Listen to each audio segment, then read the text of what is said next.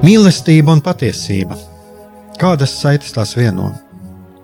Mēs esam cieši saistīti pirmkārt ar sevi, ar savu būtību, un arī ar pārējo pasauli, ar līdzcilvēkiem, ar sabiedrību. Kur ir mūsu vieta šajā pasaulē? Kā mums katram atrast savu patieso aicinājumu un vietu? Kā sasniegt savas dzīves piepildījumu, mīlestību? Kādi šķēršļi gan mūsu sirdī un prātā sastopamie, gan ārējie aizķēso mūsu ceļu pie Dieva? Šie jautājumi ir mūsu dzīves sastāvdaļa, svarīgi mūsu ceļā uz svētumu. Meklēsim šajā raidījumā kopā atbildes uz šiem jautājumiem. Ieklausīsimies, ko Dievs mums vēlas pateikt ar visu, ko sastopam savā dzīvē. Lai mūsu sirds un prāti atveras mīlestībai un patiesībai, raidījums mīliet cits citu.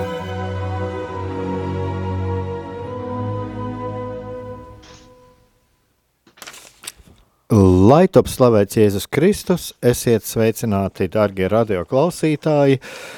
Studijā esmu es, Aigars Brikmanis.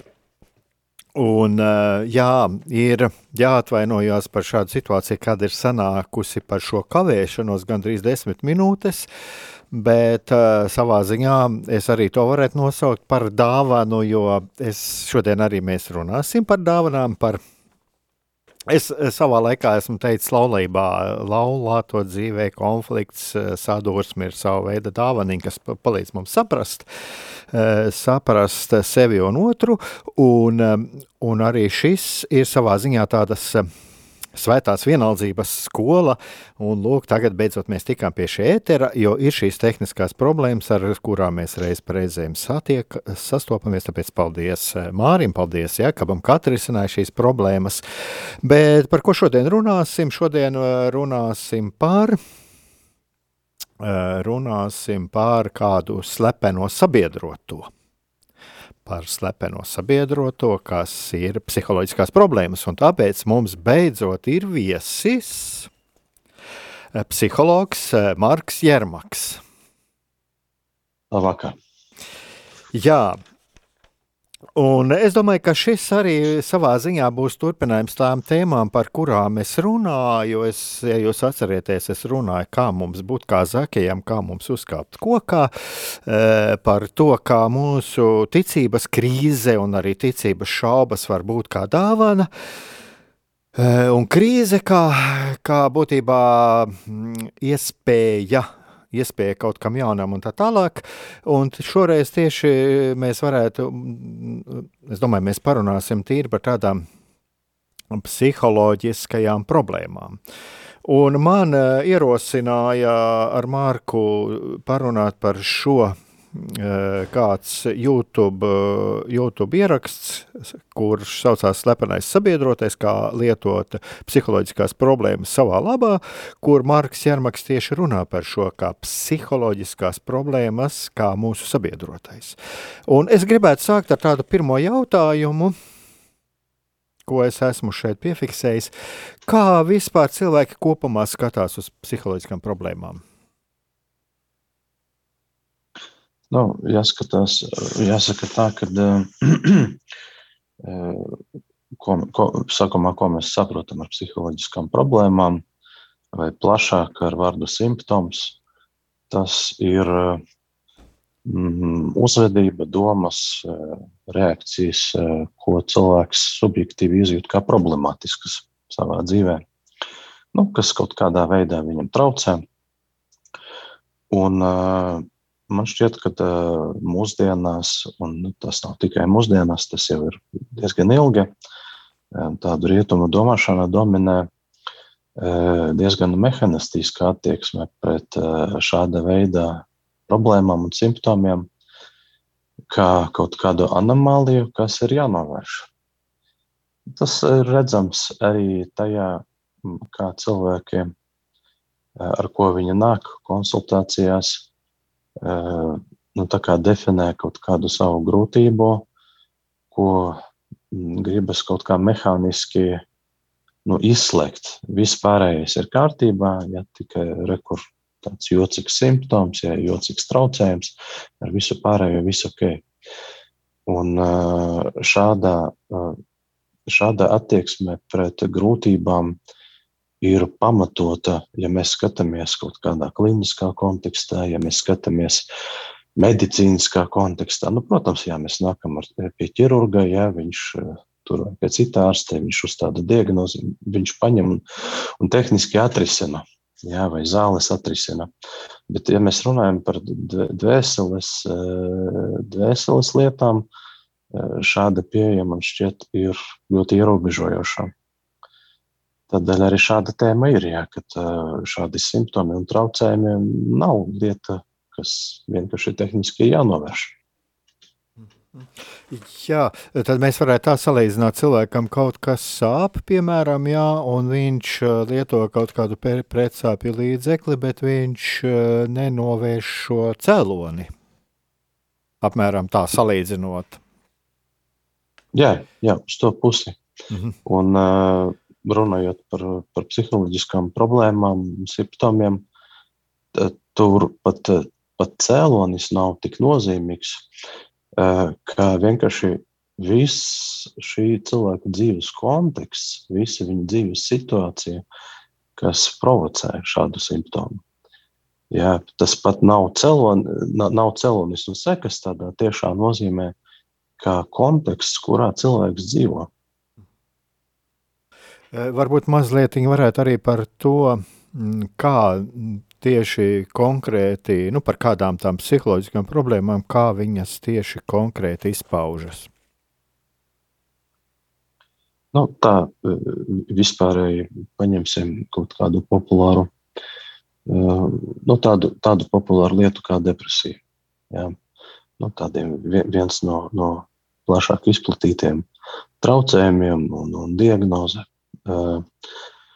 Ja mēs runājam par to tādā nu, klīniskā kontekstā, medicīniskā kontekstā, tad skaidrs, ka ir slimību klasifikatori dažādi, kas aprakstošā veidā definē. Jā, tad, tad, kāda ir depresijas simptomātika vai citu traucējumu simptomātika. Jā, ārsts sarunājas ar pacientu, veids izmeklējumus, jā, konstatē. Jā uzstāda diagnozi, nozīmē ārstēšanu. Un uh, tas ir viens, uh, viens veids, kā var izturēties pret uh, šo grūtību. Bet uh, ir cilvēku apvērsē. Ne medicīniskā kontekstā.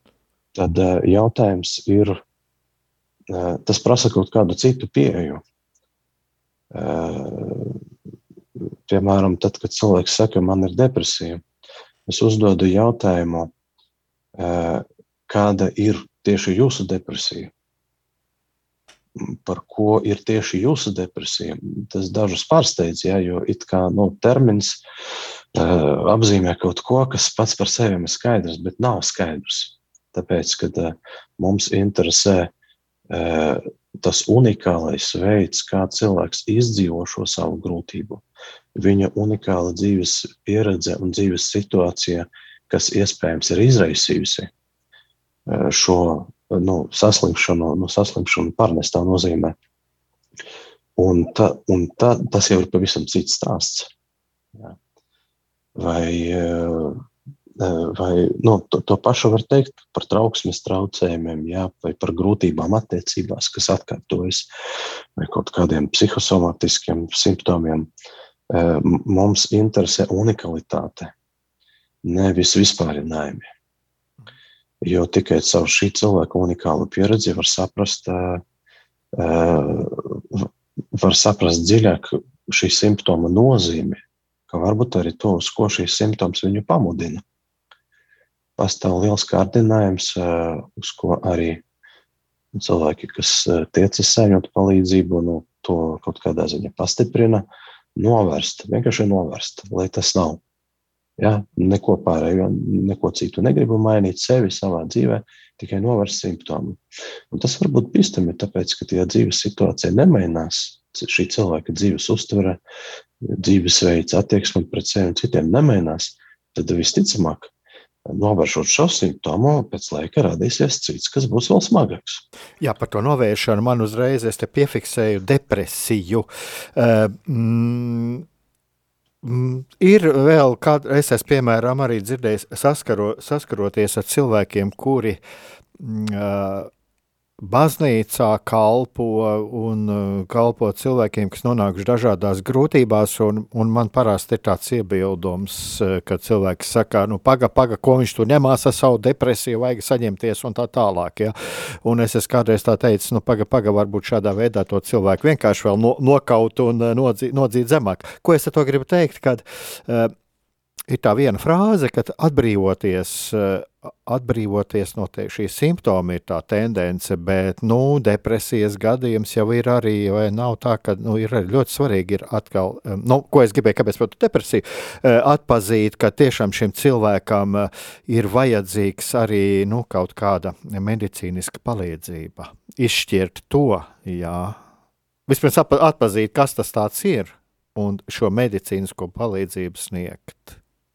Jā, tas, ko es saku, nekādā gadījumā neizslēdz to, ka ir gadījumi, kad ir nepieciešama farma, farmakoloģiska ārstēšana, un tur absolūti nekādā gadījumā to neapstrīdu. Daudzos gadījumos tas ir vispār nosacījums, lai kaut ko panāktu. Bet uh, uh, es balstos tajā, ka mm, nu, īpaši tas attiecas uz pieaugušiem cilvēkiem. Mūsu pašu atbildība ir kaut ko iesākt ar savām ciešanām. Jo tas, ko jūs Eigara, nu, kā, tas piemērs, ko jūs devat, ka kāds, nu, citi saka, ka nu, re, kur viņš ņemās ar savu depresiju, tur ir daļa, daļa taisnības tajā ziņā, ka, tā, nu, ja cilvēks tikai stāsta citiem, cik ļoti viņš tiešām neko ar to nedara, tad tas tiešām viņus nogurdina un izraisa ne tās foršākas reakcijas, kas ir arī likumsakarīgi. Mūsu pašu atbildība ir uh, pētīt un rūpēties un interesēties, ja, kas ar mani notiek, nevis tikai ciest un sagaidīt no pārējiem līdzjūtību, jo tās līdzjūtības kredīts, protams, viņš nav bezgalīgs. Īpaši tad, ja mēs dzīvojam blakus šādam cilvēkam, ja, kurš, kurš nemitīgi sūdzās. Ja, tas viņa sūdzības uh, uh, var būt ļoti nu, ļoti īstas par īstām ciešanām, bet reizē ir jārēķinās, ka tā, uh, tas izraisa kaut ko arī citos. Un uh, nu, nevar, nevar iziet no pozīcijas, ka citiem tas empātijas un pacietības mērs ir bezgalīgs. Tā nav, mēs esam tikai cilvēki.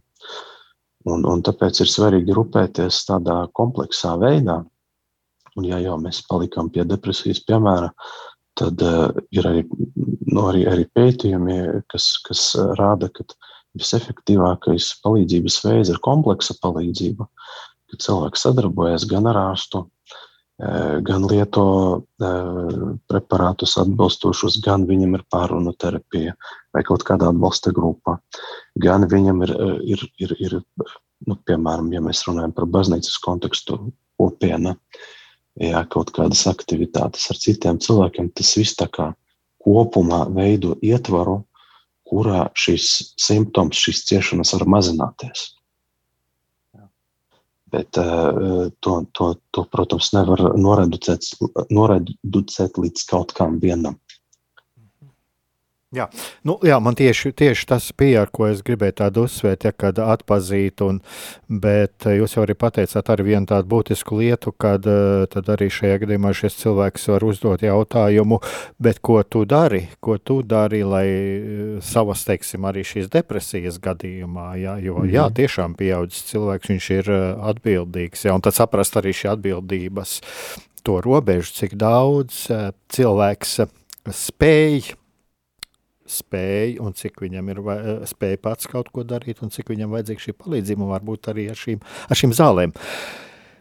Tā es apmēram tādu nu, mēģināju tādu noformulēt šo domu, lai arī būtu klausītājiem vairāk saprotams. Es domāju, tagad paņemsim kādu muzikālu pauzīti un tad varēsim uh, turpināt. Urainu.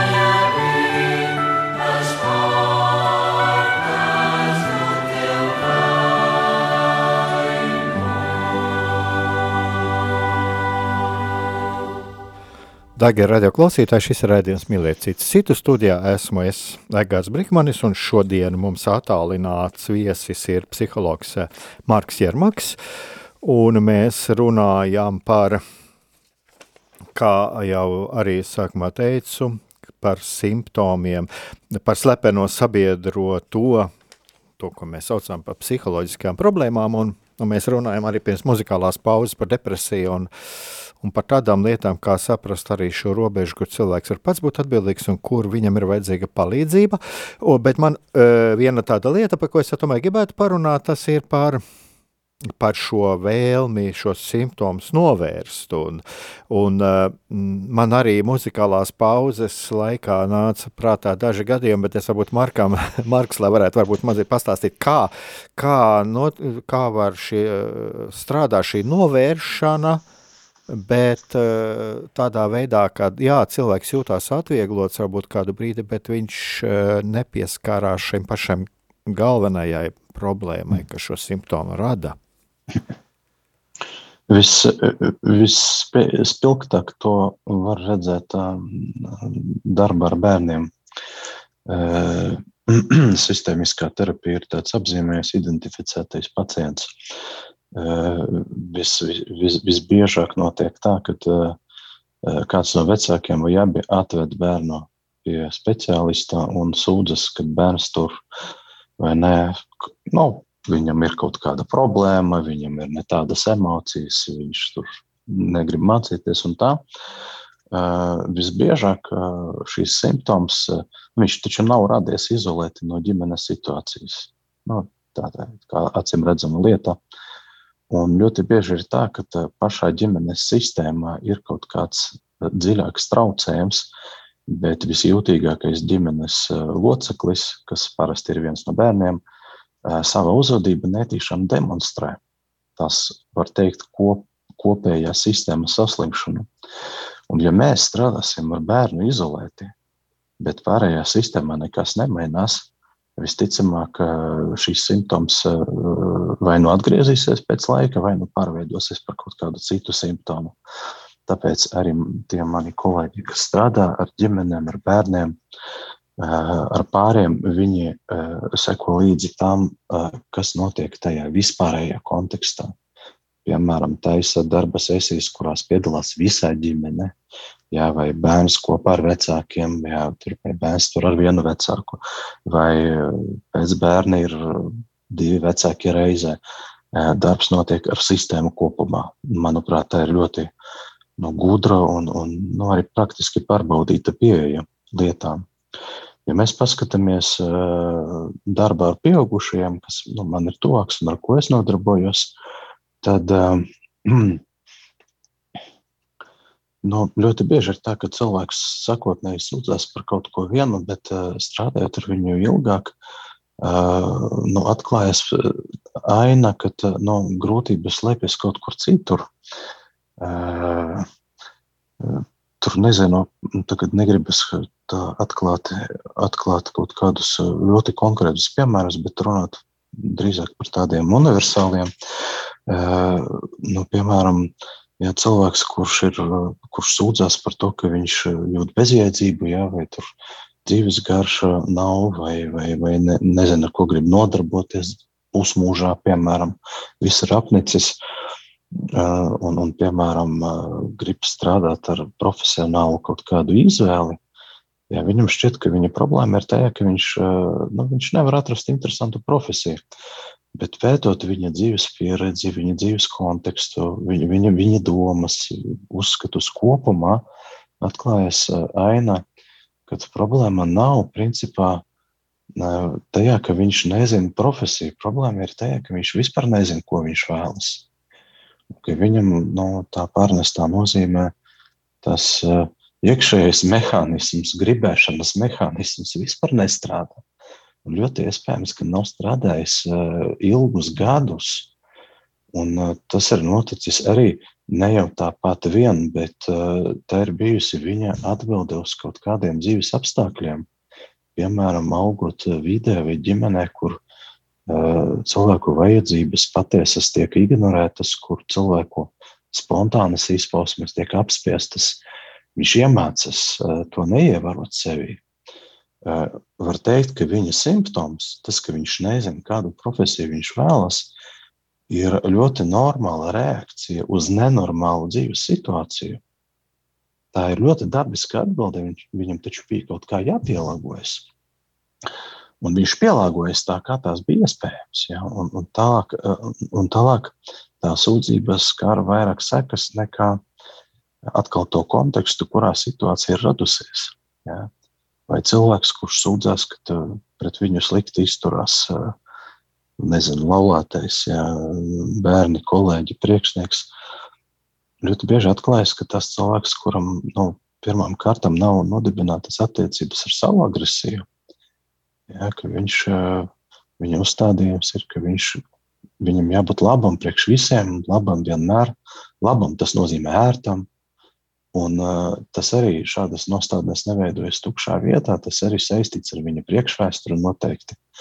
Ar to, ka tas bija viņa veids, kā tikt galā ar apstākļiem, kurās viņš ir veidojies, kā personība dzīvojis.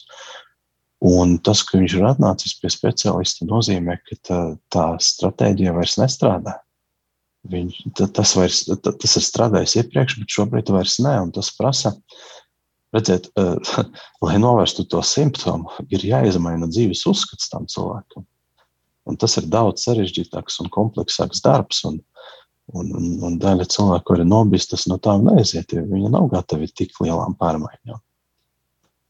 Bet pamainot kaut ko savos dzīves uzskatos, vai savu attieksmi pret sevi, vai pret, pret dzīvi kopumā, tas taču izraisa neparedzamas pārmaiņas.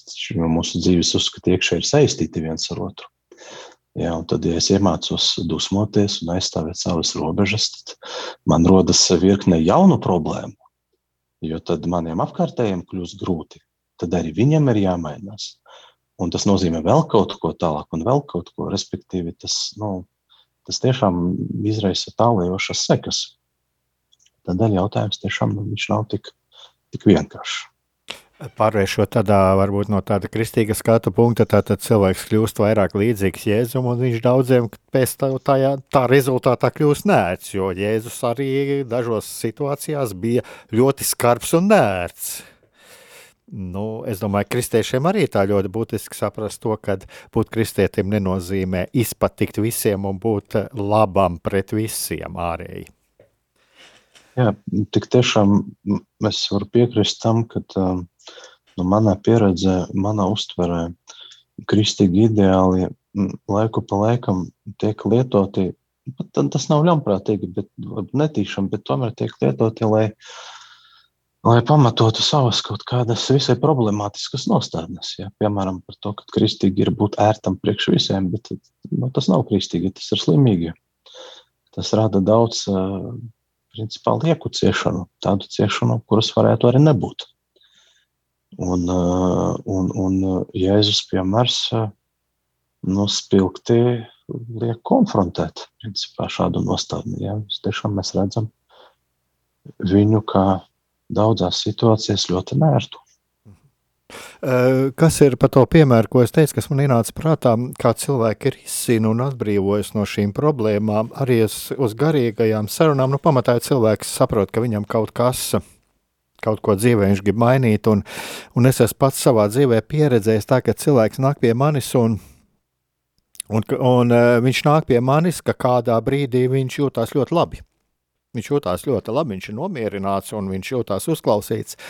Bet tā kaut kāda situācija, kad arī no manas puses ir kaut kāds pamudinājums mainīt savu attieksmi un nu, ieraudzīt, nu, kur galu galā Dievs viņu aicina un viņš sadusmojās, jo man ir bijuši gadījumi, konkrēti es esmu piedzīvojis, jā, bet es aizēju tur, un es no turienes aizēju nu, nomierināts, jā, un, bet patiesībā es redzu, ka tur citur, kur šis cilvēks jūtās labi, patiesībā viņu paslavē, viņu paglauda, un, un lūk, šis moments ir, kad viņš, nu es vienkārši to redzu, kad šis cilvēks ir paglaudīts, viņš jūtās paslavēts, bet no viņa netiek prasīts nekādas, mai, nu, nekādas uztveres maiņas.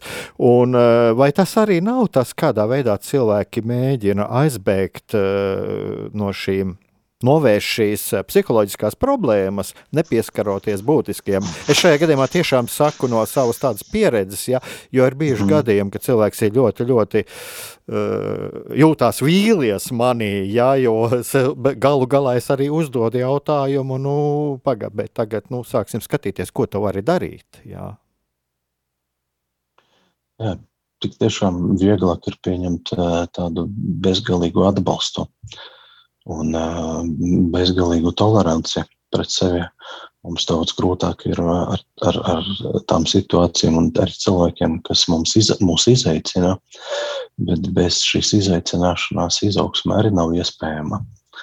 Tas vienmēr ir uh, mm, balans, kas ir ļoti arī mainīgs un, un svārstīgs starp konfrontāciju un atbalstu jā, kad abas lietas ir, ir, ir, ir, ir svarīgas un tur atkarība no posma, atkarība no cilvēka resursiem.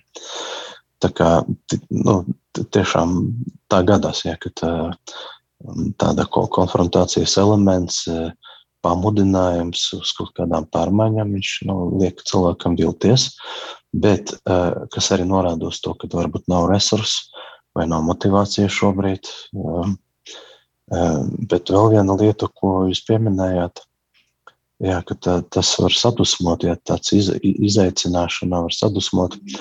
Ehm, un eh, te atkal ehm, atgriežos pie tās savas iepriekšējās tēzes par to, ka pa lielam jebkuras kvalitatīvas izmaiņas dzīvē nozīmē mainīt savu dzīves redzējumu, savus dzīves uzskatus. Un eh, tas, kā jau minēju, to nav iespējams izdarīt fragmentēti. Tad tas skar mani visu. Un tas mums uh, pat neapzināta veidā izraisa trauksmi. Tas mūs destabilizē. Un uh, var rasties agresija, kā atbildē, jā, vai, vai noliegums, vai noniecinājums. Uh, Eh, ka man to nevajag, jā, un, un, un, un tā netraucējiet man dzīvot, un tā tālāk. Jo pa lielam, manuprāt, tam apakšā ir, ir tāda universāla trauksme par to, ka nu, mēs gribam noteiktību, mēs gribam nostabilizēt savus, savu uzskatu sistēmu, savas vērtības.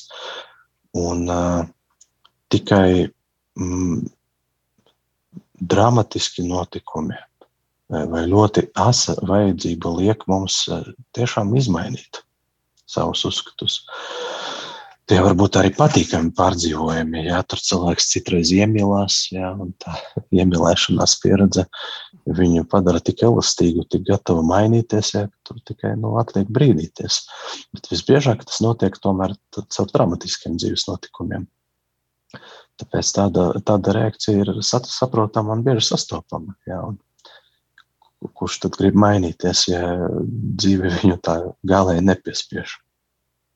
Jā, es domāju, tagad mēs atkal varēsim, varam paņemt kādu muzikālu pauzīti, un tad es gribētu parunāt tieši par to, ka, nu, ko tas nozīmē, ka lūk, šis simptoms ir mūsu sabiedrotais, jo varbūt daudziem mhm. klausītājiem tieši rodās šis jautājums, mēs runājam, runājam, bet kā tad beidzot runās par to sabiedrotā būšanu.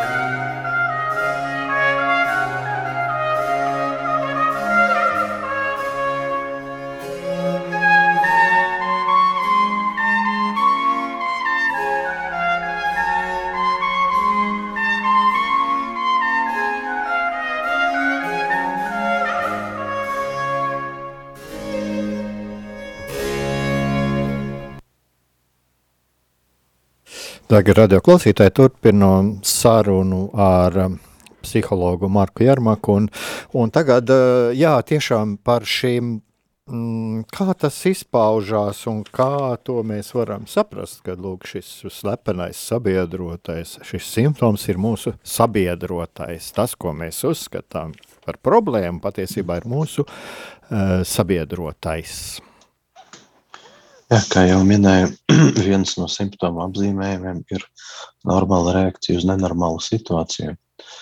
Un eh, tad, ja mums uh, mašīnā braucot iedegās sarkanā lampiņa, tad mēs, uh, mēs saprotam, ka šī lampiņa nav mūsu ienaidnieks. Tā kalpo mūsu pašu labumam. Un drīzāk mūsu kaut kāds spīts vai, vai vai stīvums var traucēt risināt problēmu pēc būtības.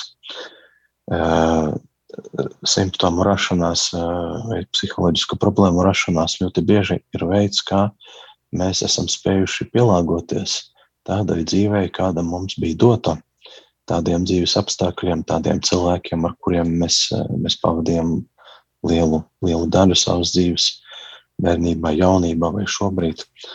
Un, uh, Eh, tas, ka mums ir šīs veids, kā mēs pielāgojamies, tā ir svētība, manuprāt.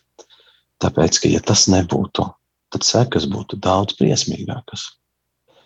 Jā, citreiz saka, cilvēks man ir uzmācīgas domas, ja es nevaru aizmigt. Jā, tas ir mokoši. Bet, ja nenostrādātu šīs adaptīvas mehānismus psihē, tad nostrādātu kaut kas briesmīgāks. Tāpēc, ka situācija nemainās simptoms tikai norāda uz to, ka kaut kam ir jāmainās tajā situācijā, vai mana attieksme pret to. Vaina nav pašās domās. Vaina nav arī tajā trauksmē, ko es jūtu un kas man traucē aizmigt. Piemēram, ja. vaina nav depresija.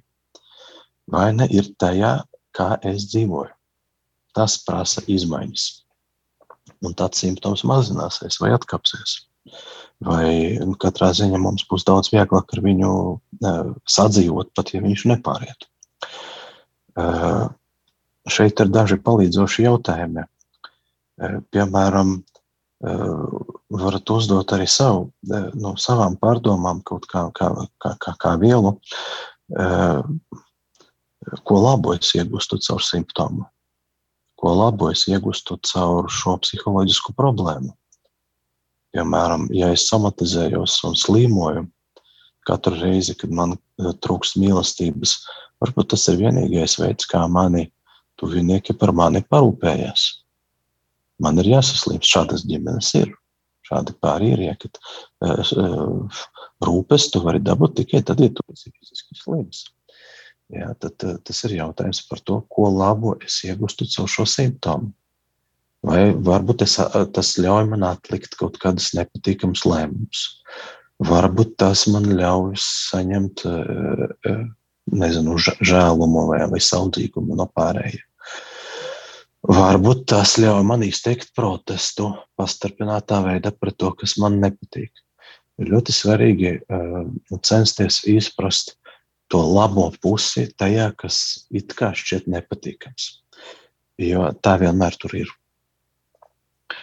Nākamais, tad, kad rodas simptoms, var uzdot sev jautājumu, kurā dzīves jomā vai kurā dzīves situācijā šobrīd es jūtos bezspēcīgs vai esmu pārāk pasīvs. Jo visticamāk, manas psiholoģiskās problēmas būs saistītas ar šo jomu.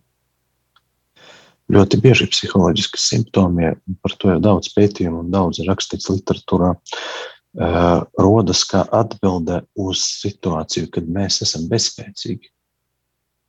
Tad vienīgais, kā es varu atbildēt uz situāciju, ir uh, ne, neapzināti, netīšām, bet rādīt kaut kādu simptomu, piemēram, saslimt.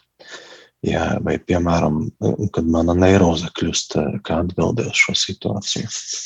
Ļoti bieži tas ir saistīts ar, ar lielu bezspēcības Eh, pieredzi, nespēju mainīt to. Bet, ja varbūt tas attiecas uz manu bērnību, ja es esmu pieaugušais, tad visticamāk es kaut kādā mērā varu mainīt savu dzīves situāciju. Un tad tas simptoms nebūs tik nozīmīgs. Es varu uh, transformēt savu dzīvi arī bez tā simptoma.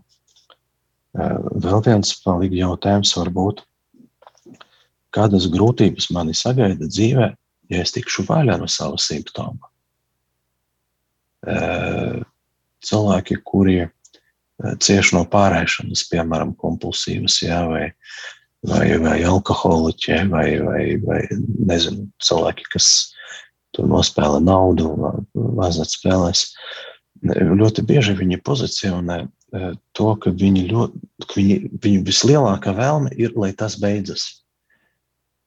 Bet, tas, bet realistiski spriežot, tas rada pilnīgi jaunu dzīves situāciju pilnīgi jaunas izaicinājumus, ar ko es aizpildīšu laiku, kas tagad man ir aizpildīts ar atkarību. Ar ko mani konfrontēs tā jaunā dzīves situācija, no kā es nevarēšu izvairīties, ja es pārstāšu tur dzert vai pārēsties, vai darīt vēl kaut ko tādu, kas man šķiet šobrīd problemātisks. Tā kā nosacīt tā veselība, taču nes jaunas problēmas. Un mums realistiski jāskatās uz to, vai nav tā, ka mēs pa īstam neesam gatavi saskarties ar tām problēmām. Vai nav tā, ka visi sūdzās par manu atkarību, bet īstenībā gan man pašam, gan maniem apkārtējiem ir ērtāk, ja es palieku atkarīgs. Simptoms eh, ir arī kā signāls, ka tad, kad viņš ir radies vai sāsinājies tieši šobrīd, eh, man kaut kas traucē. Ja, piemēram, cilvēki, kuri cieš no panikas laikmēm, kad viņi apraksta šo savu pieredzi, viņi ļoti bieži uztver, ka tas radās pilnīgi spontāni, pilnīgi ārpus jebkādā kontekstā. Tas uznāk pilnīgi neprognozēti. Bet tā nav. Tas vienmēr notiek konkrētā kontekstā, un vienmēr ir kaut kas, kas to izprovocē. Un tad, kad rodas šis simptoms, nu, okay, panikas laikmas laikā eh, tur nav, nav, nav mums resursi analizēt, bet pēc tam ir ļoti svarīgi tomēr uzdot jautājumu, kas man traucēja tajā brīdī, kas nebija man, nebija man atbilstoši. Pirms tam notika kaut kas, sāruna situācija, kaut kāds signāls, kaut kas sadzīvisks, it kā siks, bet kas palaiž to spēcīgu reakciju. Jo tad, kad mēs saprotam, ka mūsu simptomi nerodas spontāni un nerodas bezjēdzīgi, tas jau kaut kādā mērā sniedz atvieglojumu. Tas dod man sajūtu, ka es, es varu to ietekmēt. Tas nav pilnīgi ārpus, ārpus manas kontrolas. Tātad mēs uz to simptomu varam skatīties, ka tā, tā, tā, nu, tā, tādā kā kopsavilkumā, jā, mēs varam skatīties uz simptoms, ir, kas kaut ko signalizē. Jā. Jā, viņš un pareizi uztverot šo simptomu, mēs varam tālāk ir jāseko kaut kādai rīcībai. Jā, var teikt, tas ir uh, simboliski, ka tas ir eņģelis, kas atnāk mums kaut kādu vēsti, bet ja mēs šo vēsti ignorējam, tad viņš pārvēršas par demonu uh mhm. -huh. un sāk mums spīdzināt. Bet problēma nav viņa, problēma ir mūsu attieksme. Nu jā, un tā mēs tālāk varam tagad, e, nu, tā kā es jāskatās arī tas laidījuma laiks ir, ja, tad tagad mēs, jā, simbolu, tas um, simptoms ir signāls vai, teiksim, arī kā draugs, kā paliks, kā eņģelis, un tad tālāk um, varam varbūt parunāt arī par šo tālāko risinājumu.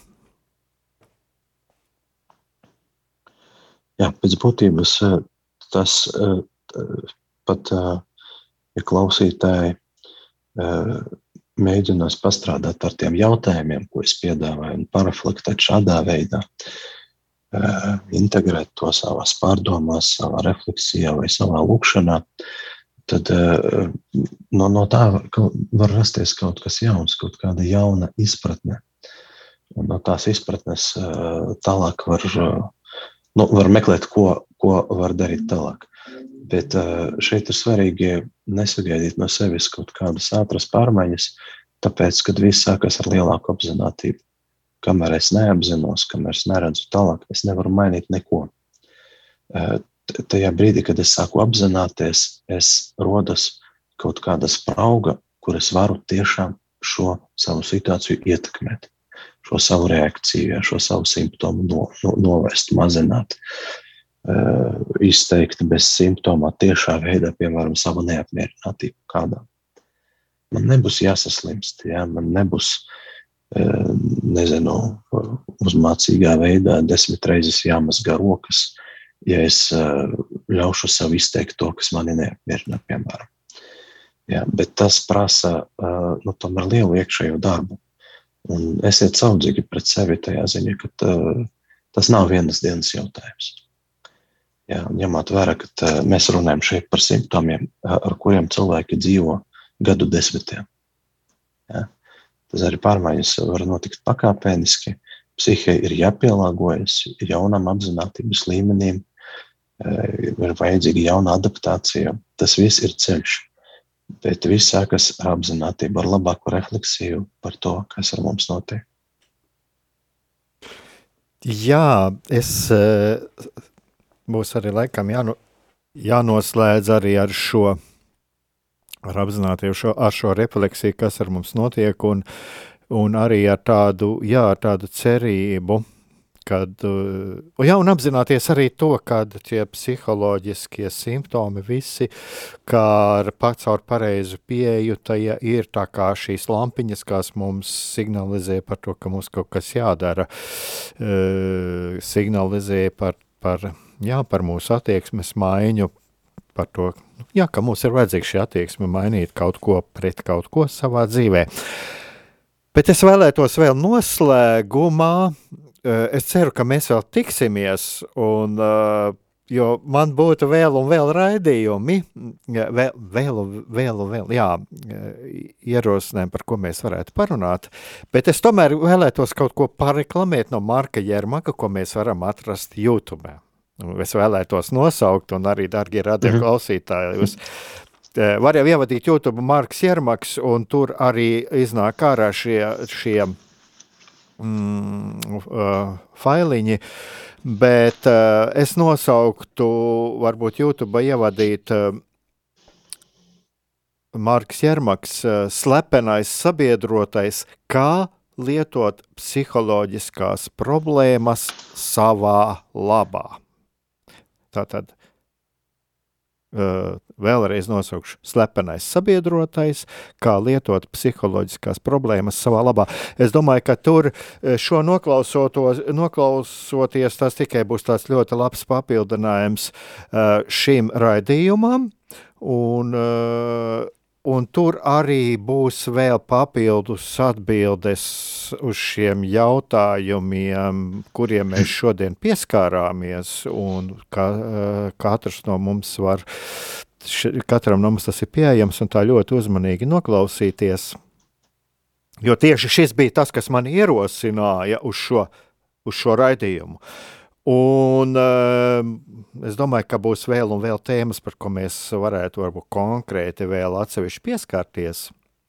Bet, jā, darbie radio klausītāji, tiešām noklausieties, noklausieties un noskatieties arī šo YouTube video. Un, un noslēgumā es gribētu tādu novēlējumu teikt, uh, lai tās lietas, kas mums notiek, ko mēs uzskatām par psiholoģiskām problēmām, ir kaut kas tāds, kas mums palīdz vairāk atklāt sevi un vairāk pietuviet, pietuvoties tam, lai mēs dzīvotu paši savu dzīvi, to, ko mums ir Dievs devis.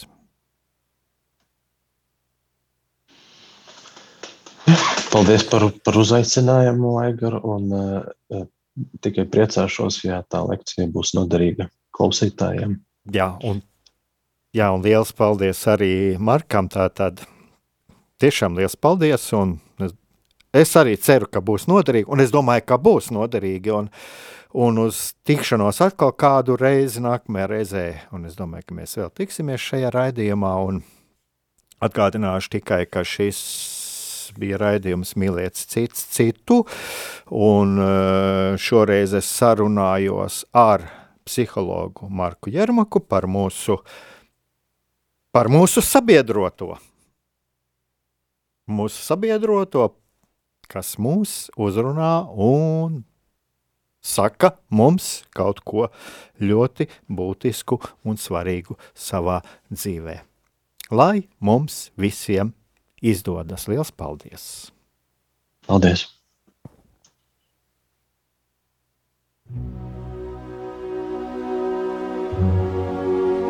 Mīlestība un patiesība. Kādas saites tās vieno?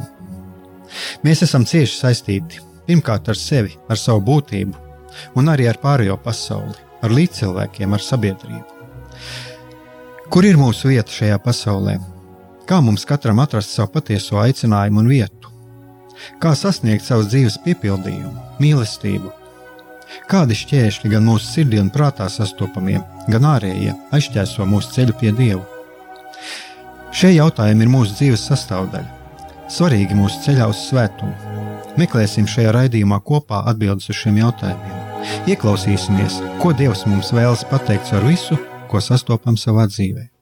Lai mūsu sirds un prāti atveras mīlestībai un patiesībai, raidījums mīliet citu citu.